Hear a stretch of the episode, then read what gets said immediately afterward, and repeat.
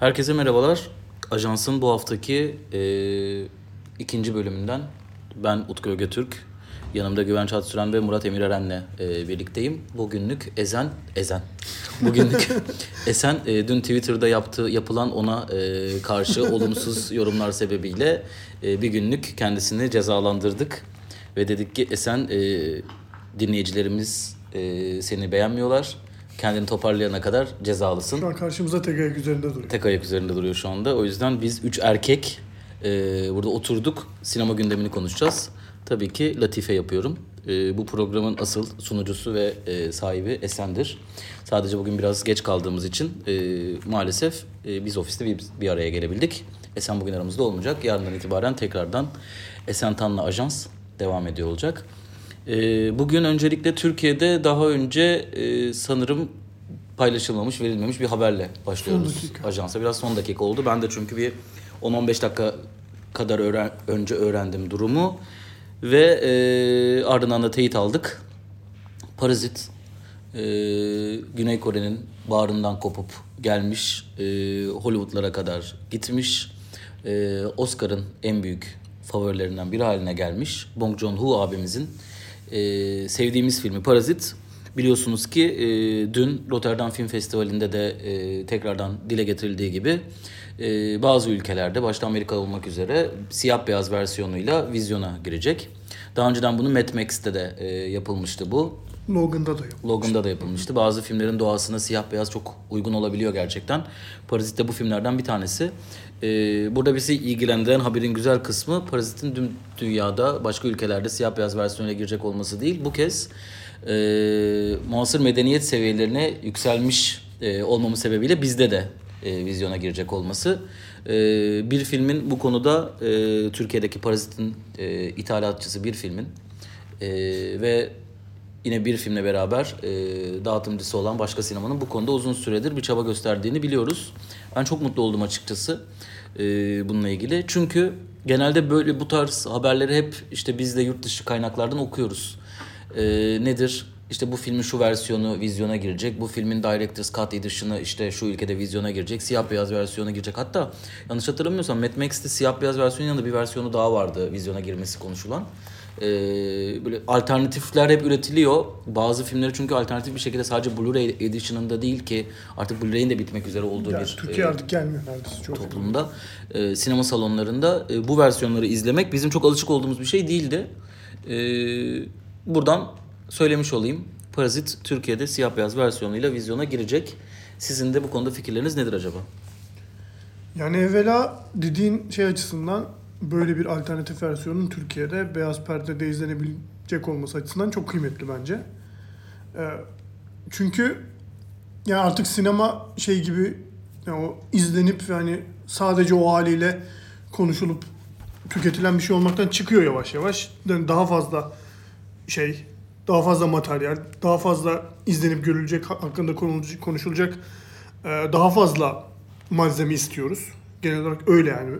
Öyle bir durumda şu an. Top, yani şey dünyanın içinde bulunduğu durum.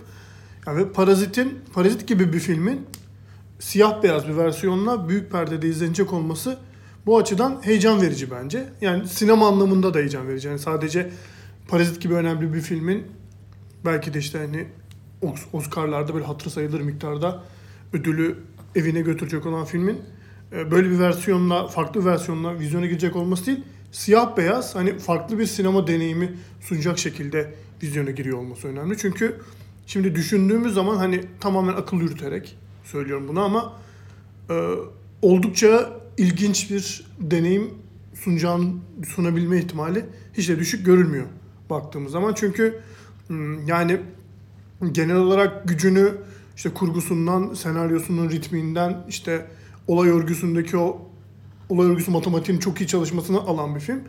Ee, ve hani bilmiyorum bu kişisel bir fikrim tabii ki ama hani belki de görsel gücü Parazit üzerinde konuşurken ilk aklımıza gelen şeylerden biri değil. En azından benim için öyle.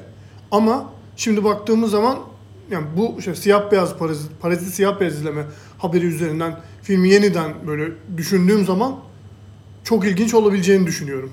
Özellikle kimi sahnelerin bu evin içinde olan sahnelerin şeyin o Ee, yani izleyemeyen artık çok az kişi vardır diye biraz daha rahat konuşuyorum filmin içeriğine dair. O Bodrum kattaki sahnelerin vesaire Sel sahnesi. evet yani çok ilginç olabileceğini düşünüyorum açıkçası ve tabii ki çok sevindirici bu haber. Ee, yani birkaç tarafı var fil- bu siyah beyaz kopya meselesinin aslında. Biraz Mad Max'le başladı gibi oldu. Ve hani Logan'la devam ettiği gibi oldu ama e, ya Parazit özelinde şöyle bir durum olduğunu düşünüyorum. Yani artık seyirci filmi yapanların çok önünde. Yani o kadar çok seçenek var ki önünde izleyebileceği. Yani o kadar farklı şekillerde filmleri değerlendirebiliyor ki o yüzden filmi film üretenlerin seyirciye yaptıkları ürünü, yaptıkları filmi e, farklı farklı şekillerde filmin kendisini ifade edebileceği, farklı anlamlara çekebileceği yollarla an- anlatma ihtiyacı duyduğunu düşünüyorum artık. Ya çünkü eskisi gibi değil artık. Yani hani sinemaya gidiyordun, filmi izliyordun, çıkıyordun ve bir daha hiçbir yerde görmüyordun filmi. Artık ya televizyonda ya videoda izleyene kadar. Şimdi öyle değil yani. Her parçasını her yerden karşına çıkıyor film. İşte baş, başka filmlerle kıyaslayanlar, o filmler üzerine yeni kurgular yapanlar, işte filmin başka versiyonlarını deneyenler, oturup yeniden color grading çalışanlar, ee, bunu bizzat artık stüdyonun ya da işte büyük filmler üzerinde ya da işte Parazit gibi filmler üzerinde bir otör yönetmenin oturup kendisini yapması yani ileride böyle çok daha çok örneğini göreceğimiz bir şeye doğru gidecek gibi görünüyor. Hani şeyi bile konu yazıyor olacağız belki. İşte Parazit'in siyah beyaz versiyonunun eleştirisi, Parazit'in renkli versiyonunun eleştirisi gibi şeyler olacak belki yakında. Yani başka manalar ifade edecekler filan. Onun dışında bir hani haber olarak şey de var. Ee, Oscar turunu bırakıp Rotterdam'a geliyor. Bong Joon-ho. Çünkü orada gösteriliyor siyah beyaz versiyonu. Bilmiyorum ilk kez mi gösteriliyor? İlk kez sanırım. Galiba e, dünya premierini orada İlk öyle açıklanmıştı çünkü Aha. Rotterdam'da gösterecek diye Ve açıklanmıştı. filmi e, e, perdede Bong Joon-ho da ilk kez orada izlemiş. Onun üstüne de konuşmuş ve şey diyor önce biraz garip gelmiş.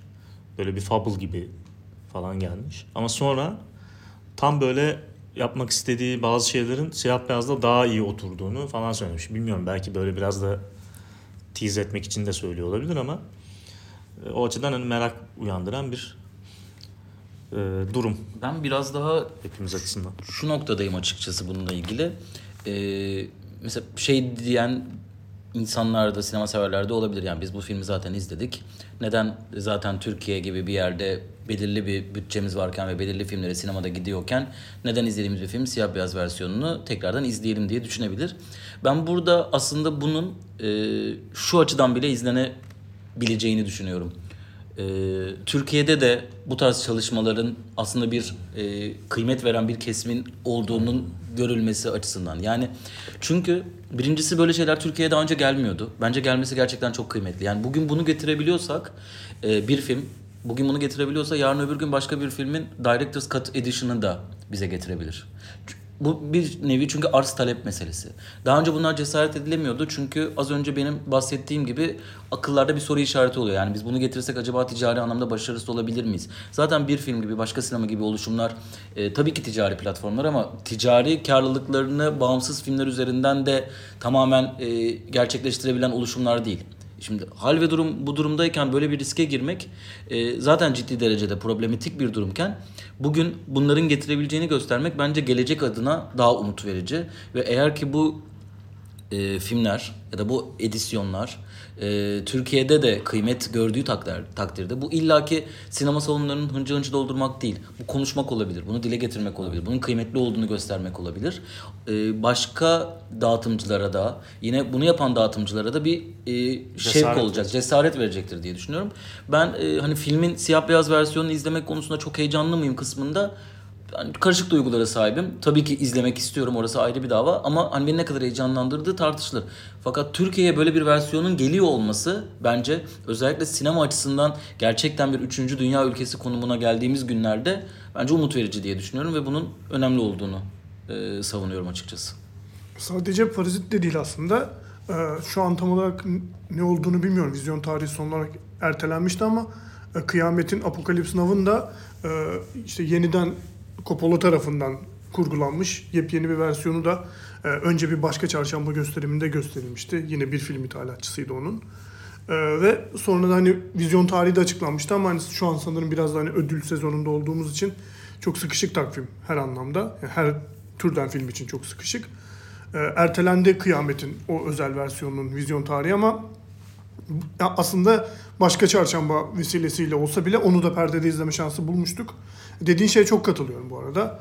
Ee, yani sinema şeyi Türkiye'de neredeyse artık şeye gelmiş durumda. Yani özellikle bağımsız sinema işte art house sinema falan diye konuşuyorsak hep dile getirdiğimiz şey e, yani üretilene baktığımız, e, üretilenin tamamına baktığımızda Türkiye'de vizyona giren, perdede izleme şansı bulduğumuz şeyler sadece hani böyle başını o kalabalık içerisinden fazlasıyla gösterebilmiş. İşte Altın Palmiye almış, Cannes'da açılış yapmış, işte Berlin'de Altın Ayı almış falan gibi işte çok böyle başı çeken filmleri ve yani bir şekilde çok iyi eleştiri almış vesaire filmleri görebiliyoruz. Yani tüm bunların yanında görebiliyorken bir yandan da böyle yani tamamen alternatif bir şeyin vizyona girecek olması gerçekten hani sinema açısından bu ülkede sinema izleyicisinin hani sinefiller dediğimiz şey için e, çok hani nasıl diyeyim sevindirici gerçekten yani. Toronto'nun ana salonu yani TIFF'in aslında salonu orası bir merkez. Ee, Instagram hesabını falan takip ettiğim zaman orada da yani e, bir şeyler değişiyor. Bir şeyler nasıl değişiyor? Sinema izleme alışkanlıklarının değişimiyle beraber sinema salonunda gösterilen filmler de değişiyor. Şimdi mesela orayı takip ettiğim zaman da mesela geçtiğimiz hafta Alfred Hitchcock'un Psycho'su gösterildi gibi. Ee, bence dünya bir yere doğru dönüyor. Biz her zaman olduğu gibi biraz geriden takip ediyoruz. Ama e, şu anda e, bunu çözmeye çalışıyoruz. Yani biz Beyoğlu sineması olarak da benzer bir şey yapıyoruz. E, bir film de benzer bir şey yapmaya çalışıyor. Başka sinema da benzer bir şey yapmaya çalışıyor ve bu değişen e, sinema salonu e, da film izleme meselesinde sanırım zaten böyle şeylerin yapılması gerekiyor. E, bu tekrardan sanki aynı şeyi tekrar ediyormuş gibi olacağım ama yani tüm bunları denklem denklem küme küme bir araya aldığımız zaman bunu şimdiden yakalamak bence çok önemli. Çünkü yarın öbür gün tekrardan geç olabilir. Ee, o yüzden e, bu bir adım, bir başlangıç. Bundan sonrakilere de vesile olsun diyerek konuyu daha fazla e, uzatmadan ikinci e, haberimize geçelim. E, sevgili Murat Emirören'in geçtiğimiz günlerde Araştırmacı gazeteci araştırmacı kimliğiyle gazeteci kimliğiyle bizim WhatsApp grubumuza attığı bir haber var. e, attığı haber de değil aslında bir tweet. E, bu tweetten e, birazcık bahsedecek olursak Çok yoğun araştırmalarım sonucu tanıdığım, hiç tanınmayan bir senarist Ed Solomon. Ed Solomon. Yani e, ki muhtemelen Siyah giyen adamlar, Charlie'nin melekleri gibi hiç bilmediğimiz filmleri yazmış. ki muhtemelen Murat Emirören zaten Ed Solomon değil Edgar Wright'ı takip ediyordu ve Edgar Wright'ın mentionıyla durumdan da Açıkçası. Edgar Wright ve e, Christopher McQuarrie bu şeyin Görevimiz Tehlike filmlerinin son filmlerin yönetmeni. O ikisi de böyle bir mentionlaşmasını görüp ne konuşuyor bunlar diye baktım açıkçası. Özellikle Ed Solomon'u takip etmiyordum. Fakat Ed Solomon senaryo yazarı ve yönetmen. E, diziler çekiyor son zamanlarda. Neyse. Bir tweet atmış. Harvey Weinstein'la ilgili. E, Harvey Weinstein başka ne türlü kötülükler yapabilir falan diye daha hani dağarcığınızı genişletmek istiyorsanız şunu da yapıyor. Du Ka- kabilinden bir tweet. Ee, şöyle anlatıyor. Diyor ki yani gittiği festivallerde büyük festivallere katılıp bir takım filmleri satın alıp bu filmleri sonradan ya çok kötü şartlarda gösterime sokuyor. Ee, yani an- anlaşmaya uyuyor. 300 salonsa 300 salon ama hani kimsenin görmeyeceği bir şekilde. Ya da çok kısa sürede gösterimde tutup kaldırıyor ve yani göz önünden kaldırıyor. Filmi öldürüyor tabiri caizse. Yani depoda çürütüyor. Ve yani e, bunu birçok filme yaptığını anlatıyor Ed Solomon. E, ve bunu yapma sebebinin de şu olduğunu söylüyor. Oscar sezonunda ya da o festival, büyük festivallerdeki ödül sezonunda ona rakip olmasınlar diye yapıyormuş bunu. Ya da vizyonda da aslında Evet. yapabilir. yani tamamen he- her açıdan rakip görme durumu. Yani rakibini e, şey nasıl diskalifiye bu, etme bu durumu. tam yani. Miramax zamanı.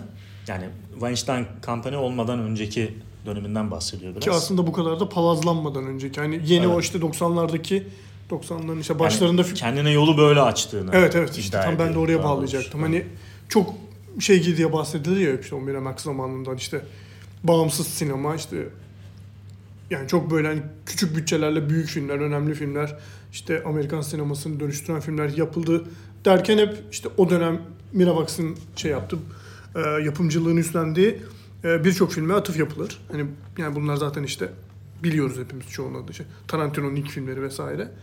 E, ve aslında şimdi baktığımız zaman bilmiyorum yani belki de tarihte bu şekilde yazılsın diye orada bir nasıl diyeyim işte bir bazı eserlerin yolu kapatılmış. Belki yani çok daha e, kıymetli yani çok daha demeyeyim ama en az bu işte adı, adı geçen filmler kadar kıymetli. Bu tarihin oluşumunda belki işte Pulp Fiction kadar katkısı olacak. Yani tabii ki yani çok ekstrem bir yerden konuşuyorum ama neden olmasın? Yani çünkü e, bir potansiyel görüldüyse o filmlerde en azından böyle bir e, yola gidilmiş belli ki. Yani o Weinstein efsanesi hani e, şey başarılı bir yapımcı olarak bilinirken ki efsanesinin de e, şu anki durumunla karşı şu anki perspektiften bakınca aslında o başarının da hiç de masum olmayan yollarla elde edildiği gibi bir portre çıkıyor ortaya aslında. Ve çok ürkütücü bence bir yandan da yani. ticari başarıların arkasına baktığımız zaman bir şekilde sadece sinema sektöründe değil ki özellikle sinema sektöründe değil e, birçok kez e, aslında bu tarz girişimlerin olduğunu görüyoruz. Yani bu küçücük bir payda olarak düşündüğümüz takdirde e, sinema sektöründen çıkıp başka sektörlere baktığımızda e, hep bir şekilde e, bu tarz yapılan işlemlerin varlığına e, vakıf oluyoruz. Bu aslında bizim şimdi Weinstein daha büyük bir örnek tabii ama yani dünyanın birçok yerinde de Türkiye'de de ithalatçılar arasında bile böyle şeyler olduğunu zaman zaman biliyoruz. Yani başka bir firma almasın diye daha yüksek bütçe verip çok büyük bütçeler verip başka firmaların önünü kesmek bir ticari anlayış olarak görülebiliyor. E, o gün o firmanın o ithalatçının e, belki o filme ihtiyacı varken e, ihtiyacı olmayan ama ona rakip olmaması için kendi filminin önüne kesmemesi için ona göre düşük bir bütçeyle e, başkası için çok büyük bir bütçe olabilir bu alıp e, o filmin önünü kapatabiliyor.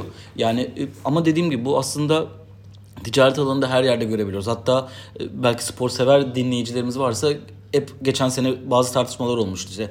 Fenerbahçe bir takımdan bir futbolcu alacakken Beşiktaş'ın devreye girip hani onu ona satmayın biz size bunu verelim gibi. Yani bunlar ticaretin her alanında, sporda da e, başka yerlerde de olabilir. Ama Ya başarı elde edilmek başarı elde edilmek. Ama sinema bir sanat ve burada aslında siz bunu yaptığınız zaman e, sanatseverlerin e, belli bir sanat e, ürününe ulaşmasını engelliyorsunuz ve e, burada sizin zaten ticari anlamda yaptığınız kötülüğü geçirdim. Sanatçıya yaptığınız kötülüğü geçtim. O sanat eserine emek veren onlarca kişinin emeğine yaptığınız saygısızlığı geçtim. Siz burada sanat severe de çok büyük bir haksızlık yapıyorsunuz. E, ama şöyle bir şey var. E, zaten hayatı boyunca e, birlikte çalıştığı ya da çalışmadığı, çalışacağı ya da çalışmakla ilgili kandırdığı e, kadın erkek birçok kişiye taciz etmiş bir insanın ticari anlamda da zorbalık yapmayacağını beklemek bence hayal ürünü olurdu. Bu tarz şeylerin her zaman yapıldığını biz biliyoruz, duyuyoruz ama bunlar hep genelde böyle dedikodu gibi olur. Bu da bir tweet sonuçta. Resmi bir yazışma değil ama belli başlı nasıl bilindiğine dair bir örnekle anlatıyor bir senarist ve altına girip başka yönetmenler bununla ilgili yorum yapıyor. Bayağı Hollywood'un e, Tabii eski ka- kalbinde olan bir isim. senaristlerinden biri. Çok işte büyük bütçeli filmlerde çalışmış bir adam. Ee, ve hani Edgar Wright da şöyle bir şey söylüyor. Mention'a girerek. Diyor ki işte mesela şey Bong Joon-ho'nun Snowpiercer filmi Miramax almıştı. Daha doğrusu yani Weinstein Compa- Company'di o zaman. Onlar almıştı ve e, İngiltere'de hiç dağıtmadılar bile diyor. Yani çok garip bir şey. Mesela Film eriyip gitti ya o film mesela. Evet evet yani yok ettiler filmi. Mesela 90'lı yıllarda en iyi zamanları Miramax'ın işte hepimiz böyle e, okuyorduk yazılarda ya da işte ben de biraz yetiştim galiba ucundan. İşte yazdığımız ya- yazılan yazılarda falan diyorduk ki işte zaten filmi Miramax aldı, destekledi. Bu demek ki bu filmde bir şey var Evet, hani falan diye baktığımız bir şirketti yani Miramax. Herkesin işte prestijli gördüğü bir yapımcıydı zaten Weinstein. Ve yani oturuyorsun mesela karşı karşısına diyor ki ben senin filmini alacağım. Biz Heyecanlanıyorsun. heyecanlanıyorsun. Çok beğendik diyor. İşte Amerika'ya dağıtacağım, dünyaya dağıtacağım, bilmem ne yapacağım falan diye filmi alıyor. Ee, sana işte bir para teklif ediyor. Alıyorsun onu da. Belki çok daha yüksek bir şeylere ulaşabilecekken senin filmin yok ediyor, gö- götürüyor filmi. İnanılmaz bir şey yani. Ya bu büyük bir zorbalık. Tabii, tabii. Yani param var deyip e, kendini her şeyi yapabileceğini düşünmek.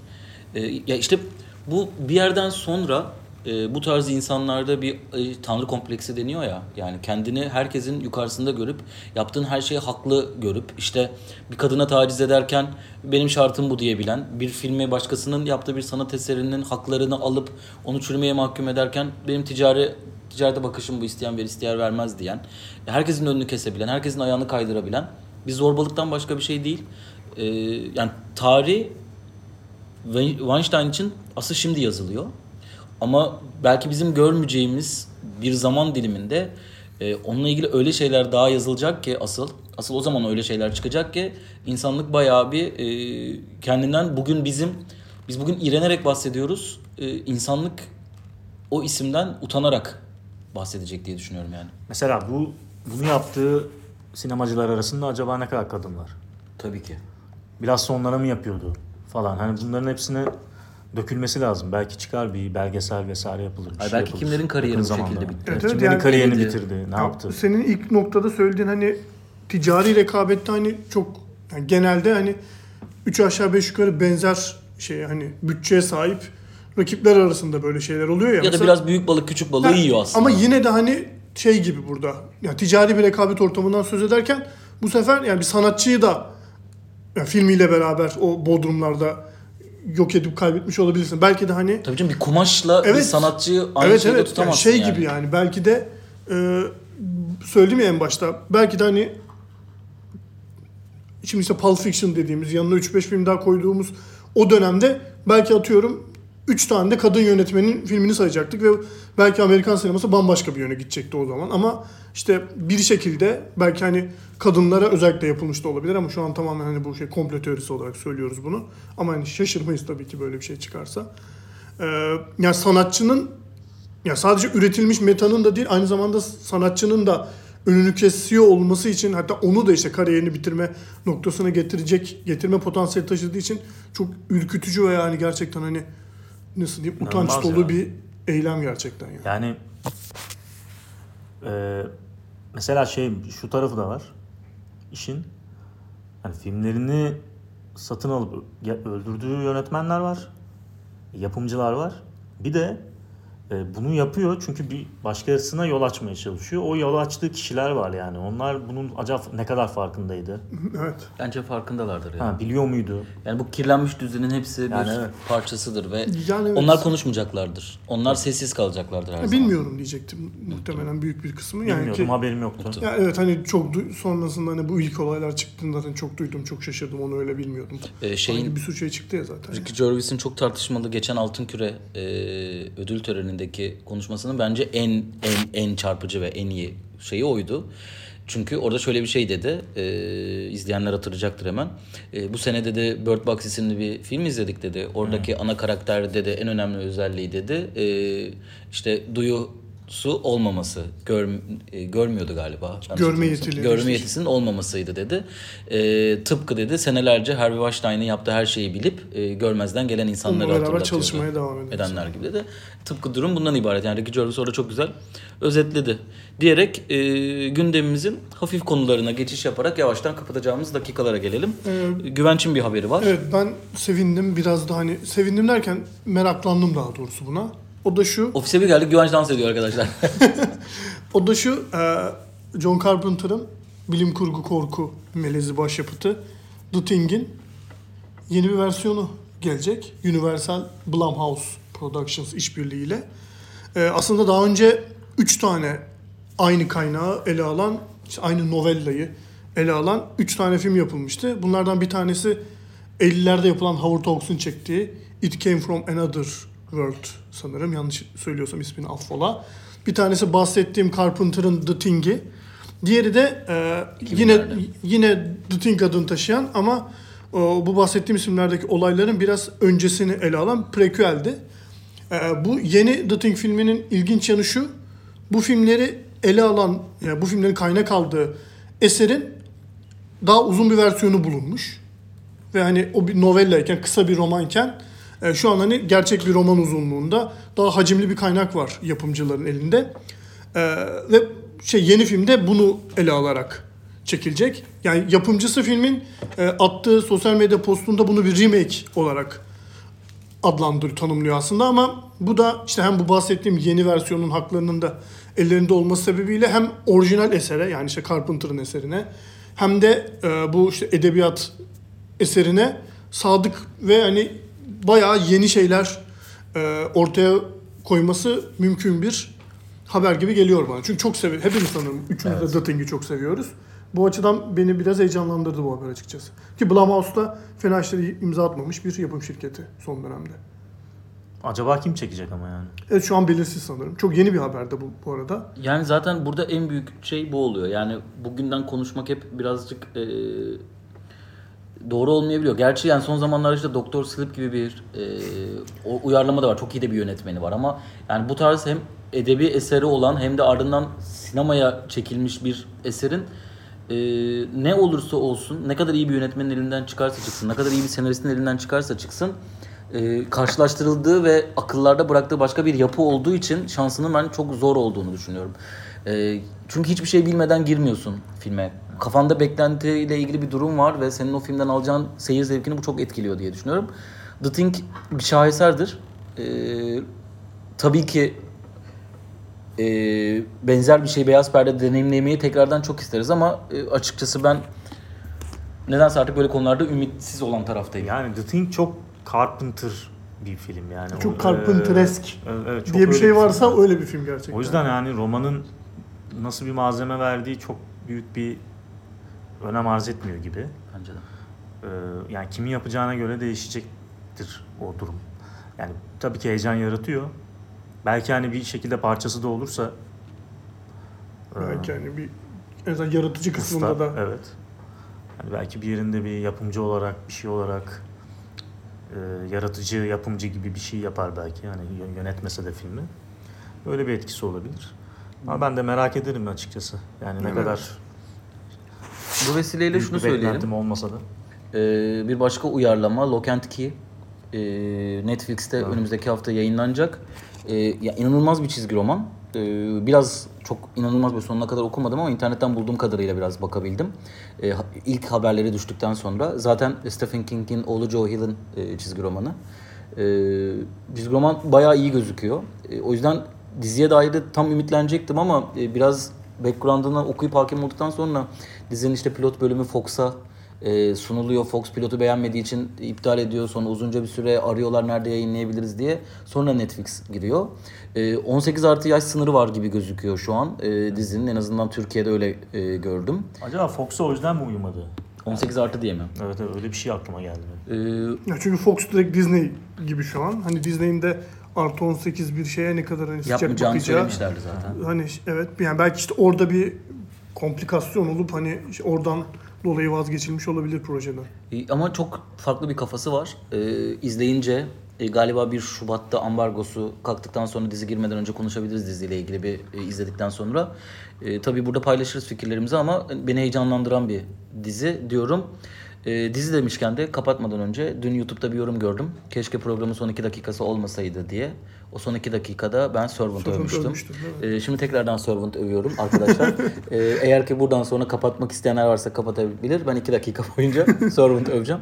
E, Yani burada Neden? Bir de yorum Servant'ı beğenmediği için ve sen övdüğün için mi yoksa niye durup dururken Servant'ı övdün diye mi? ikisi de olabilir herhalde. Bilmiyorum Evet, ki keşke burada bitseydi orada. gibi bir şey var. E, Think'ten falan bahsederken böyle bir uyarlama falan yani ben gerilim türünde böyle özgün bir içeriğimizin olmasını dahi çok kıymetli buluyorum. E, tabii ki şaka yapıyorum. Burada Servant'ı tekrardan övmeyeceğim ama izleyenler varsa e, bana DM yoluyla falan ulaşabilirse diziyi konuşmak için e, can atıyorum. Çünkü çok seveceğini tahmin ettiğim Murat Emireren de hala izlemedi. Ee, Ben İzledim. izledim. Bitirdin mi? Finali izlemedim hala. Ha. Son bölümü izlemedim ama bayağı iyi gidiyordu. E, son bölüm her şeyi cevaplıyor. Ama asıl son bölümden önceki iki bölüm 8 ve 9. 8. bölüm e, Harry Potter'daki namı değer Ron'un e, neredeyse kafayı yediği o bir o, o evin o itişamlı evin bir anda korku tüneline döndüğü bölüm ve Shyamalan'ın çektiği 9. bölüm bence bayağı e, kuvvetli zaten dizinin diyerek. Ya zaten yönetmenliği ve gör, bilhassa görüntü yönetmenliği bayağı hayranlık uyandırıcı dizinin yani. 30 dakika bir dizi ama çok çok iyi böyle dört başı mamur bir film izlemişsin gibi zaten her bölümün başından kalkıyorsun. 300 dakikalık bir film gibi Ki aslında. iki görüntü yönetmeni de zaten çok iyi filmlerin aynı zamanda görüntü yönetmenleri. Yani e, biri The Witch'in ve Lighthouse'un görüntü yönetmeni. E, bir diğeri de It Follows'un görüntü yönetmeni. Yani Yani beyaz perde şeyde de e, televizyonda da o kadar çok aynı tip dramalara alıştık ki ve bu, bu tarz bir dizi bulmak o kadar zor ki ya beyaz perdede dahi bulamıyoruz. O yüzden ben çok kıymetli olduğunu düşünüyorum. E, daha fazla Servant e, övmeyeceğim sözü veremiyorum. Bundan sonraki bölümlerde ne olacağını ben Türkiye'de bu kadar konuşulmamasını hatta Hiçbir yerde bayağı konuşulmuyor. çok garip geliyor bana. Ya bence burada problem şey e, Apple bu işi çözemedi yani. Geçen günkü ajansta da işte aynı şeyi söylüyorum. Apple bu işi çözemedi. Yani Netflix dizisi olsaydı Servant Şu an e, ortalık şu an ortalık yıkılıyordu şey gibi. e, The Haunting House Aynen gibi öyle. yani. Hill House. The Hill ne? Hunting of the Hill House muydu neydi? Evet, yine adını söyleyemediğimiz bir e, yapım. E, o yüzden hani Apple bunu çözdüğü zaman bence daha fazla Bir konuşulacak. de Apple zaten Türkiye'de de hani olamadığı için şu an Evet. Hukuki durumlar vesilesiyle o da önünü Önceki ajansları takip ettiyseniz oralarda anlattık. Diyerek üç erkek Esen'in yokluğunda kart seslerimizle e, ajansın sonuna geldik. Yarın Esen Tan'la birlikte ben burada olacağım. Görüşmek üzere.